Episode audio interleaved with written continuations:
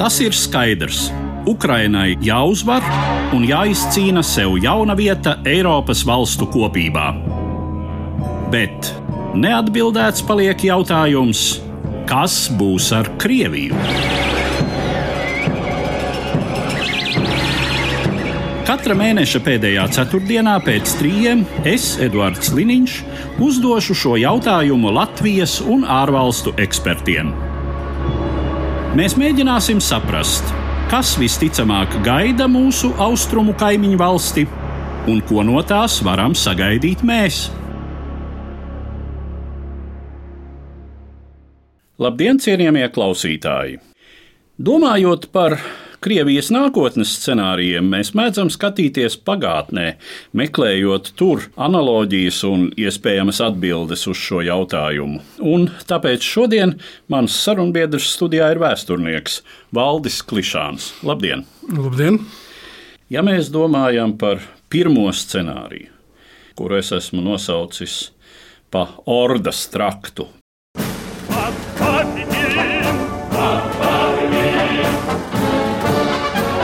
Pirmais scenārijs - pa ordas traktu. Krievija ir aziātiska valsts. Krievija, kas pagriež muguru Eiropai, un līdz ar to Krievija, kurā esošais režīms ar vai bez tā vadoņa turpina savu eksistenci vēl kādu salīdzinoši ilgāku laiku. Varbūt mums ir vērts parunāt par šo jautājumu. Krievija kā ne Eiropa?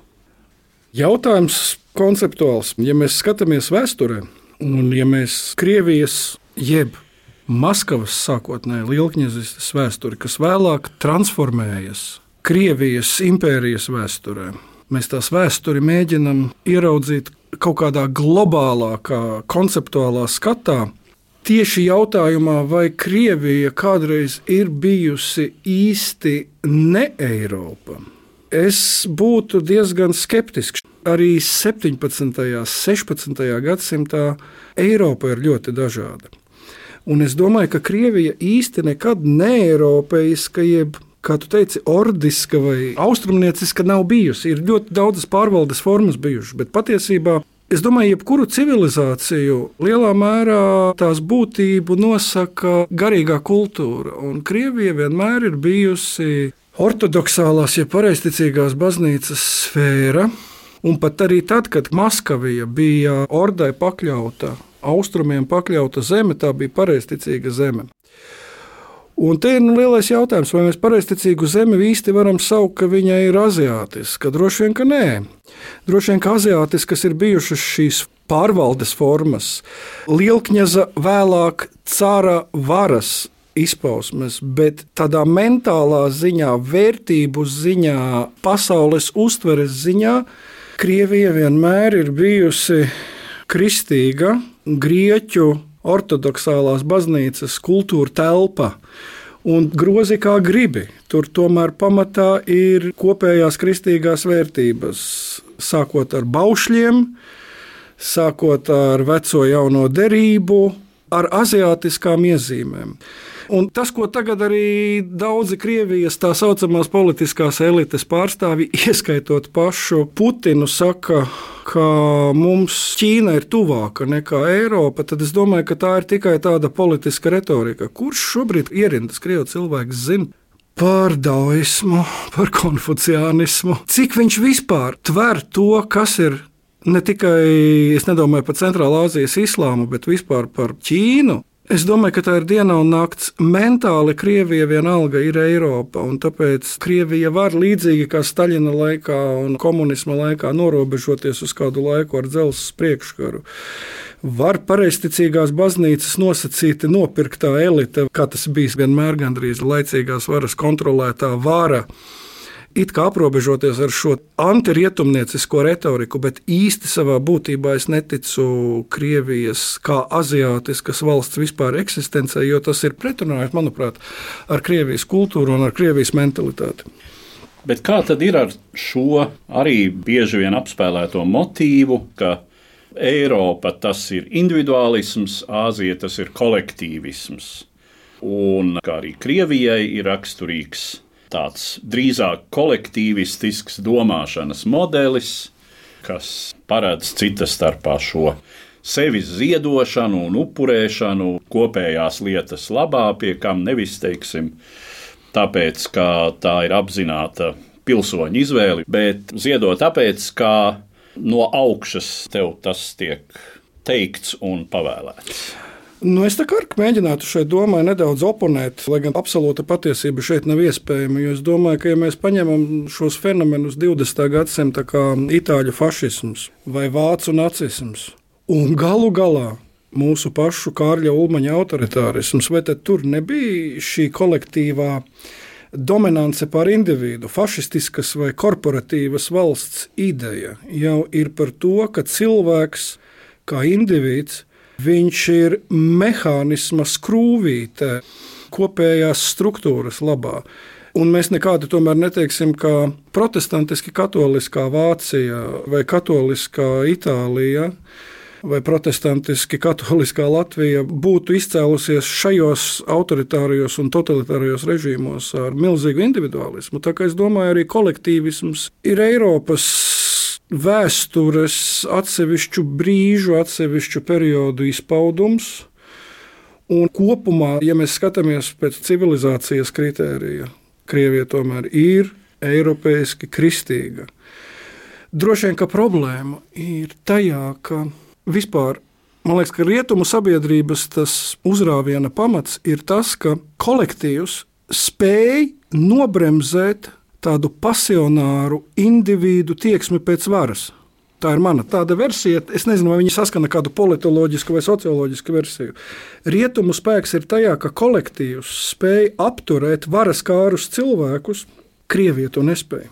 Kā to nespēja arī daudzas, varbūt Āzijas valstis, ka šie varaskārie indivīdi gūst virsroku pār to sociumu, pār sabiedrību.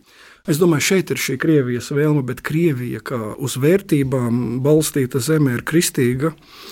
Un tāpēc es neredzu ilgu sadarbību, lai gan tikko Putins, kā mēs redzam, atkal tikās ar Ziemeļkorejas vadītāju, un ik pa brīdi viņam ir kontakti ar Ķīnas vadītāju Sī un ar Irānas vadītājiem tomēr ilgtermiņā tās ir, tā, liekas, domāju, tā ir šī brīža politiska spēle, meklēt kaut kur pretsvarus pret rietumiem, pret Eiropu, pret NATO, pret ASV. Bet no civilizācijas skata punkta es tam ilgtermiņa sadarbības iespējas tomēr neredzu. Ir, protams, šis arī ar iepriekšējo, zināmā mērā saistītais priekšstats par Krieviju kā vergu valsti, kā valsti, kurā ir mazattīstīta ne tikai pilsoņa apziņa, ne tikai indivīda pašapziņa, bet tīri cilvēciska tāda cilvēka cieņa, kas arī ir atdota kaut kādu citu priekšstatu, citu vērtību vārdā. To saista ar faktu, ka salīdzinoši vēlu lielākajā daļā Krievijas tika atcelta dzimbūšana, salīdzinoši vēlu. Tā tad Krievu sabiedrībā nav izstrādājies šis brīvības, mīlestības gēns, un tāpēc tā ir arī tik ļoti tendēta bez nosacījumiem deleģēt savu brīvību un tiesības augstāk stāvošajiem. Ar dzimšanas atcelšanu tā lieta ir vēl, es teiktu, sarežģītāka. Ja mēs skatāmies arī Austrumē Eiropu un Rietumē Eiropu, tad Rietumē Eiropā dzimšana pirmkārt nekad nav bijusi tādās formās, kā viņa ir bijusi Austrumē Eiropā, un viņa ir beigusi pastāvēt jau viduslaikos, un viņa ir bijusi ļoti īsu brīdi. Savukārt, ja mēs skatāmies uz Austrumu Eiropu, proti uz tiem reģioniem vai tām zemēm, kas bija pamatā vēlējos viduslaikos un jaunajos agrējos laikos, pamatā agrāras, un kas apgādāja rietumu Eiropu ar lauksaimniecības produktiem un meža precēm, tad dzimbūšana pastāvēja gan Žečpospoļitā, gan Čehijā, gan Austrumvācijā, tā nav tikai Krievijas parādība. Un dzimbušana tur tika atcelta ātrāk, lielā mērā pateicoties Napoleona kariem, un arī Baltijā dzimbušanu atcēla jau lielā mērā Francijas notikumu un Napoleona politikas ietekmē, kā sava veida eksperimentu Aleksandrs I. Es domāju, ka tā ir man pilnīgi subjektīva sajūta. Ir divas tendences vērojamas, ja mēs skatāmies Krievijas vēsturi. No vienas puses, tā ir nemitīga tieksme no vadītāju, tās cāru, sākotnēji lielkņazu, tātad cāru un vēlāk zināmā mērā arī ģenerāla sekretāru puses centralizēt, unificēt Krieviju, jo tā ir gigantiska teritorija. Un droši vien no Pēterburgas vai no Maskavas raugoties, tā vienīgā recepte, kā saglabāt šo varas sistēmu, šķiet novērst lokālās, reģionālās atšķirības. Šie unifikācijas centieni ir bijuši vērojami gan pirmā Romanovу valdnieka Mihaila Romanova valdīšanas laikā, viņa dēla Alekseja valdīšanas laikā. Pētera pirmā laikā, pēc tam ir noticis 18. gadsimtā tā, tāda pakāpšanās atpakaļ un ļoti lielā mērā rietumnieciskošanās. Pēc tam mēs to redzam Nikolaja I. 19. gadsimtā un galu galā Aleksandra III Un Nikolai otrā laikā arī tie, kas mēs zinām Latvijas vēsturi, šie stāsti par rusifikāciju, par dažādu Baltijas bruņniecības privilēģiju un pilsētu privilēģiju un patstāvības atcelšanu. Nemitīgi notiek no Krievijas centrālās varas centieni unificēt valsti padomju laikā, protams, staļinisms, brežņevisms, Bet ir visu laiku pretējā puse. Es domāju, politikā un tajos sabiedriskajos procesos jebkurš spēks kaut kādā veidā rada to pretspēku. Pret jebko ir kaut kāda pretdarbība. Un no otras puses, mēs redzam, ka sabiedrība pati kaut kādā veidā meklē, varbūt ne juridiskā, ne oficiālā līmenī, kaut kādā kopienu līmenī, Jo Maskava ir tālu vienmēr, Pēterburga vienmēr ir tālu, bet vienmēr ir jārisina kaut kādas vietējās problēmas, kuras Maskava ne Pēterburga neatrisinās. Un mēs vienmēr redzam šo pretējo tendenci, un tiklīdz centrālā vara pavainās, tā kā burtiski uzplaukst šīs lokālās. Vispilgtākais piemērs ir Krievijas revolūcija, 17. un 18. gads, jo viss, kas ir bijis līdz 17. gadam, bija vērsts uz vienu, uz unifikāciju. Un tiklīdz notika šis brīdis, kad šī centrālā vara sasvainās, vai vēlāk sabrūk. Tā rodas neskaitāmi lokāli politiski veidojumi. Par to jau mēs varbūt pat esam aizmirsuši, kas notika 17. un 18. gadā. Mēs bieži vien sakām, 17. un 18. gadā Krievijas impērija brūk, neatkarību pasludina Lietuva, neatkarību pasludina Igaunija, neatkarību vēl pirms tam pasludina Ukraina, pasludina Latvija, Baltkrievija, Grūzija, Armēnija, bet mēs jau aizmirstam, ka neatkarību pasludina bieži vien absolūti krieviski apgabali. Pat sāģa Krievijas pasludina savas tautas republikas. Un šī ir tā pretējā tendence. Tāpēc es tieši domājot par Krievijas nākotni, tuvāko kādu piecu gadu perspektīvā. Nu, protams, mēs neviens nezinām, kas būs. Un arī vēstures zināšanas mums ļauj varbūt tikai nojaust, bet vēstures zināšanas mums nekādi nepasaka, kā Krievijas vēsture attīstīsies. Bet es domāju, tiklīdz notiks šī vismazākā centrālās varas, kuras kā tam kašķējam, tajā olā tāda ir tas Putins. Tiklīdz tā Putina vara vājināsies, ko jau mēs šovasar redzējām, burtiski uz vienu dienu, kas notika, kad bija neskaidra situācija tā šīs separātiskās lokālās izpausmes vienkārši var būt mums pilnīgi negaidītas.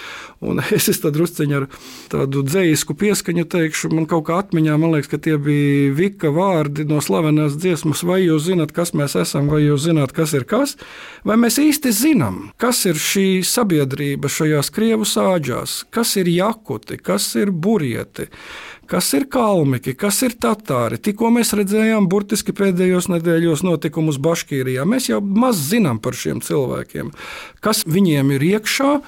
Kādas ir viņu sajūtas, kādi ir viņu sapņi un slēptākās vēlmes, Un es domāju, ka tie pārsteigumi ne tikai mums, bet vispār pasaulē var būt lieli, bet tie notiks tikai tad, kad mazināsies šis baiļu faktors, kad šī kašķeja adata tiks pārlausta. Un tad es redzu visdažādākos scenārijus.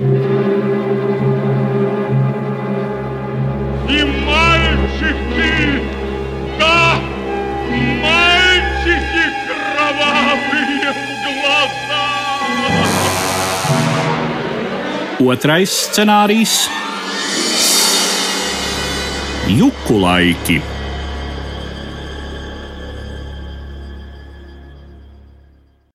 juku laiki, protams, tas mums saistās ar senu pagātni, ar 17. gadsimtu. Jā, ar Jūrikoviču, Krievijas beigām un tad mokošu, sāpīgu sabrukuma posmu līdz tad nākot pie varas Romāno dinastijai, kas prata šo valsti atkal savākt kopā. Bet, protams, tā ir ļoti sena pagātne, un tā ir valsts, kurai ar šodienas Krieviju ir maz kopīga.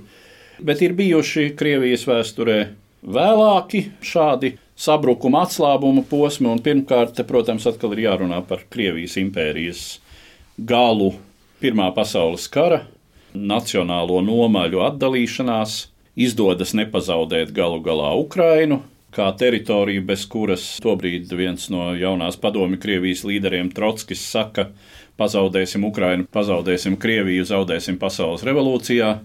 Faktiski tā reāli atdalās tobrīd eh, rietumu nomales, kas ir Eiropai vistuvākās - Somija, Polija, Baltija un toreizējā Besarābija nonāk Rumānijas sastāvā. Ja mēs skatāmies uz šodienu, viens priekšnoteikums ir, tas ir nesevišķi veiksmīgs karš. Lai gan mēs vēl nevaram pateikt ļoti droši, cik tieši neveiksmīgs tas Krievijai būs.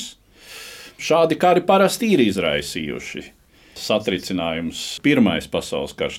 Tā bija grandioza katastrofa Krievijai, bet jau pirms tam bija arī nesekmīgais Krievu-Japāņu karš, kas arī izraisīja jau pamatīgu satricinājumu tad jautājums, uz kuru mēs momentu varētu attiecināt teiksim, šī brīža Krievijas situāciju, meklējot vēsturisku analoģiju. Nu, man ļoti gribētos teikt, ka tas ir kaut kāds 1915. un 16. gads. Bet pamatjautājums ir, ka mēs īsti nezinām, kas notiek šajās Nacionālajās republikās. Es, protams, varētu tagad mēģināt nosaukt virkni faktoru, kas man liktu teikt, ka ja tā varas as vaināsies un bruks un zudīs baiļu sajūta. Un teikt, ka tās ies uz savu, varbūt ne uz gluži uzreiz uz valstisku neatkarību. Un vienlaikus varētu arī atrast gan argumentus, pateikt, ka varbūt nenotiks nekas, bet es gribētu akcentēt varbūt vairākus tādus momentus. Man nāk vienmēr domājot par Krievijas virkni tautām, doma par to, kas ir panķurkisms. Panķurkisms ir patiesībā Turcijā radīta ideoloģija un virziens. Viņš uzplauka tad, kad sabruka Osmaņu impērija, kas balstījās uz islāmiskajām tradīcijām. Kad islāmismu aizstāja nacionālisms, tad turku inteligence nu, vilka laukā no vēstures lauktiem šo zināmo faktu, ka ļoti daudzas Āzijas un tā skaitā Krievijas tautas ir radniecīgas. Un tās ir ķurku tautas, tie ir Krievijā pirmkārt tatāri, tie ir baškīri, un tie ir jakuti. Tās ir ļoti lielas, teritoriālas un skaitliski arī vienības. Un Turcija nu, vismaz gadus 20, pat vēl pirms Erdogana, manuprāt, diezgan klusi, bet sistemātiski un mērķiecīgi ir pilinājusi šo eļļu šai panķurkisma ugunskurā. Es sen, sen par šo sāku interesēties vēl arī universitātē, gatavojot lekcijas par viduslaikiem un kā tas tiek interpretēts šodien. Turcija ir finansējusi Tatāru, Baškīru, Jakutu, inteliģences izglītību Turcijā. Redzot tās tendences politikā, kādas tur atzimst idejas, es teiktu, ka tas vienu brīdi var dot pēkšņi negaidīti savus rezultātus. Protams, Jakutija sevišķi iegūst tādu īpašu skanējumu, zinot viņu milzīgās dabas bagātības un to reģionālo nepatiku, kas nav tikai jakutiem, bet arī vietējiem krieviem pret Maskavu. Jo mēs lūk, visu gāzi, visu naftu, visu mēs viņiem atdodam. Es domāju, ka tas varētu būt viens tāds nacionāls virziens, un man ir bijusi iespēja arī pirms vairākiem gadiem runāt ar latviešu valodas skolotājiem Baškīrijā, jo tur ir latviešu kolonijas joprojām. Viņi teica, ka tā sajūta Baškīru sabiedrībā ir ļoti līdzīga, kāda bija Latvijā atmodas sākumā. Tur ir tāda iekšēja spriedze, etniskā, kas ir zem deķa padzīta. Viņi, protams, tagad tikai mēģina kaut kur vairāk, kas tur bijuši šie, šie nemieri, bet mēs nezinām, kā tas izlauzīsies viss ārā. No otras puses, man ir pašam viens jautājums, kādi viņiem ir ideāli? Jo man liekas, ka runāt par kaut kādu nacionālu neatkarību ir nepieciešams kaut kāds ideāls. Mums tāds ideāls bija 20. un 30. gadu Latvijā. Poļiem vienmēr tas ir bijis vēsturiski. Tāds ir bijis pat grūzīņiem un armēņiem. Arī viņiem kaut kur ir bijusi 18, 19, 20 gada neatkarība. Pat Baltkrieviem, Polijas, Lietuvas valsts. Vai šāds ideāls piemēram, Tatāriem. Ko mēs gribam? Viņi varētu teikt, mēs negribam zem Maskavas. Baškīriem, bet varbūt vēl mongoļu un budiskām tautām, kas Krievijā arī ir interesants fenomens. Kalmiki, kas ir šobrīd ar diezgan izteiktām separātiskām tendencēm, kas valodas ziņā, būdami uz Eiropas un Āzijas robežas, tepat pie Kaspijas jūras un Volgas lēstecē, runā vienā no mongoļu valodas vai džungāru valodas dialektiem. Turpat blakus Mongolijai ir burieti, kas ir arī budisti un praktiski runā mongoļu valodā un tuvieši. Kādi viņiem varētu būt šie ideāli mērķi? Jo man patiešām šķiet, ka bez kaut kādas šīs vīzijas vai viduslaiku kaut kāda mītiskā Bulgārija vai Orda varētu viņiem kalpot šodienai, man to ļoti grūti atbildēt. Bet viens ir skaidrs, ka mēs šobrīd nenojaušam, kas notiek šo cilvēku dvēselēs, kas nav krievi, kas notiek. Un, protams, vesels stāsts droši vien būtu par somugru tautām Krievijā, par mordviešiem, čuvašiem, mariešiem, hantiem, mansiem, kuri, protams, ir šķiet, ka pilnīgi rusificēti. Bet es atvainojos, ja mēs atgrieztos tagad, pastītos Latvijas piemēru. Tad vienu brīdi mums šķita, ka 70. gados arī ar mums ir cauri, jo nu, mēs bijām pamatīgi rusificēti, bet tiklīdz tā varas piramīda kaut drusciņi sašķobījās, tā pēkšņi atklājās, ka pat kompartijas vadītāji daudzi, te pēkšņi viens ir ebrejs, viens ir polis, un viss šis, kas bija aizdzīts kaut kur nezinu kādā jau pagrīdes līmenī, pēkšņi tas viss laužās ārā.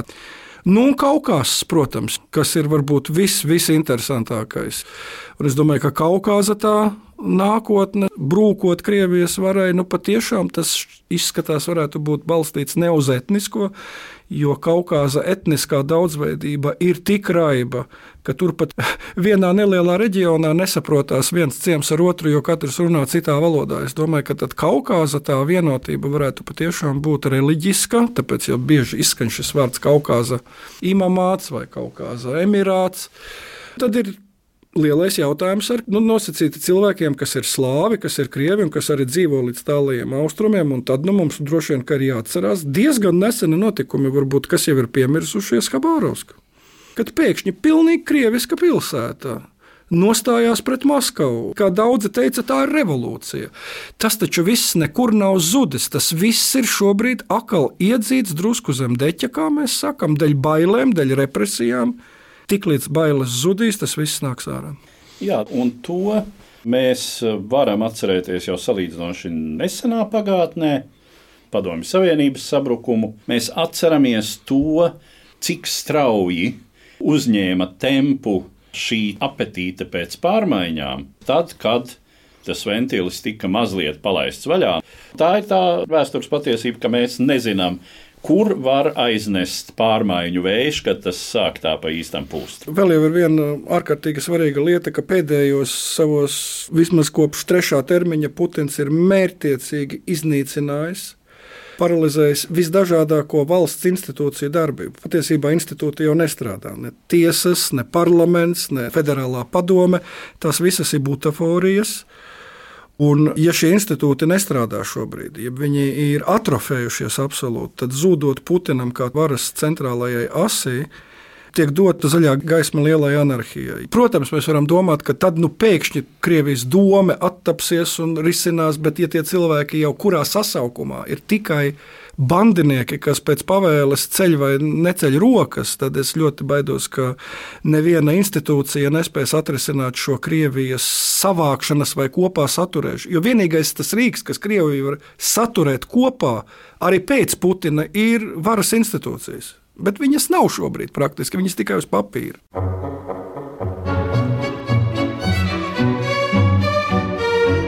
Trešais scenārijs Oda priekam par Gulbju ezeru. Iespējamā Krievijas demokratizācija.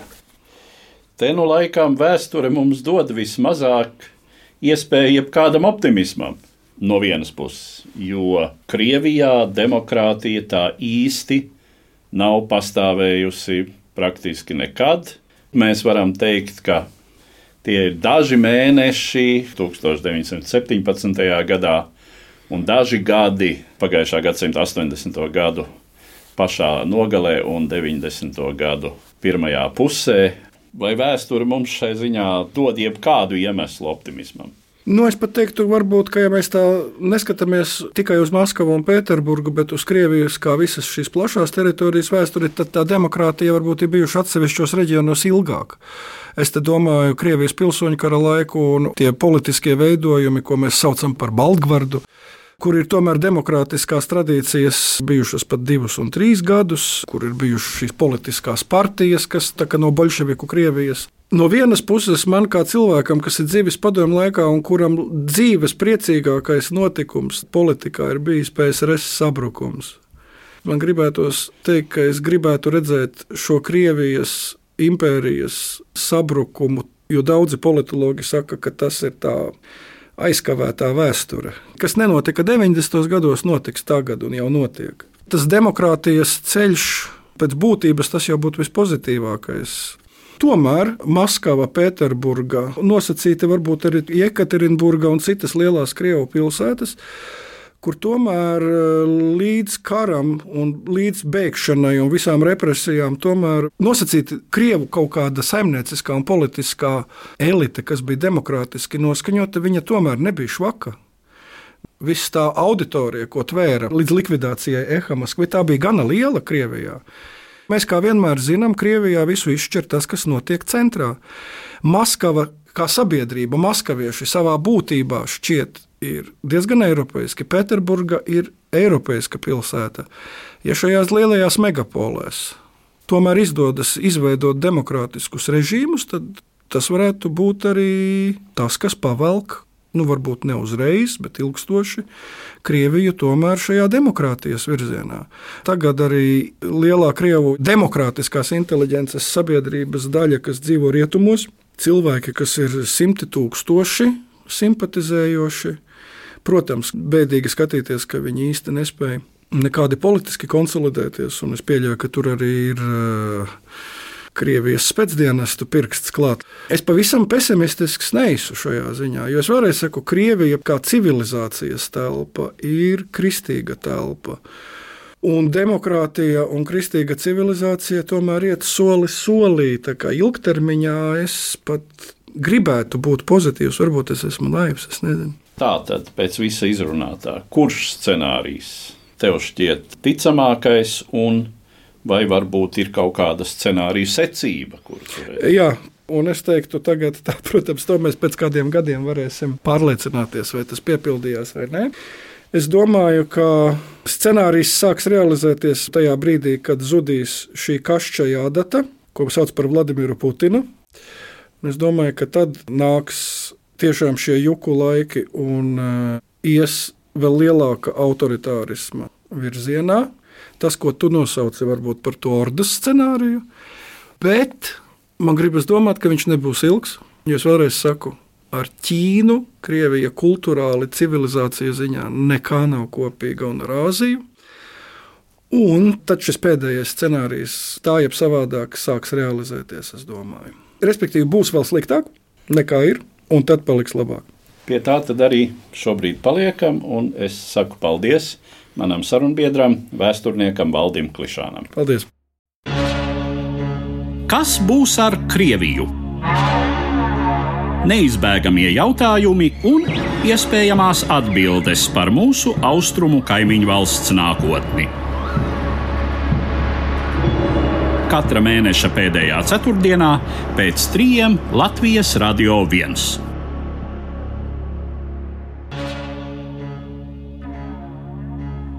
Raidījumu Kas būs ar Krieviju? podkāstu formātā, klausieties arī Latvijas radio lietotnē un visās populārākajās audio straumēšanas platformās.